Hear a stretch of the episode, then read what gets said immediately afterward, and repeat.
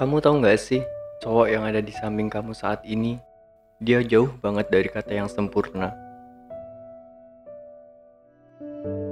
Dia bukan sosok yang ganteng, bukan sosok yang pinter, bahkan dia bukan sosok yang kamu harapin. Tapi, kalau kamu ngira dia nggak peduli sama kamu, kamu salah. Kamu salah besar. Karena hal sekecil apa pun yang terjadi pada diri kamu, dia selalu berusaha gimana cara nyikapinya. Dia selalu punya cara yang sendiri buat selalu memperhatikan kamu. Yang mungkin kamu gak bisa buat ngelihatnya.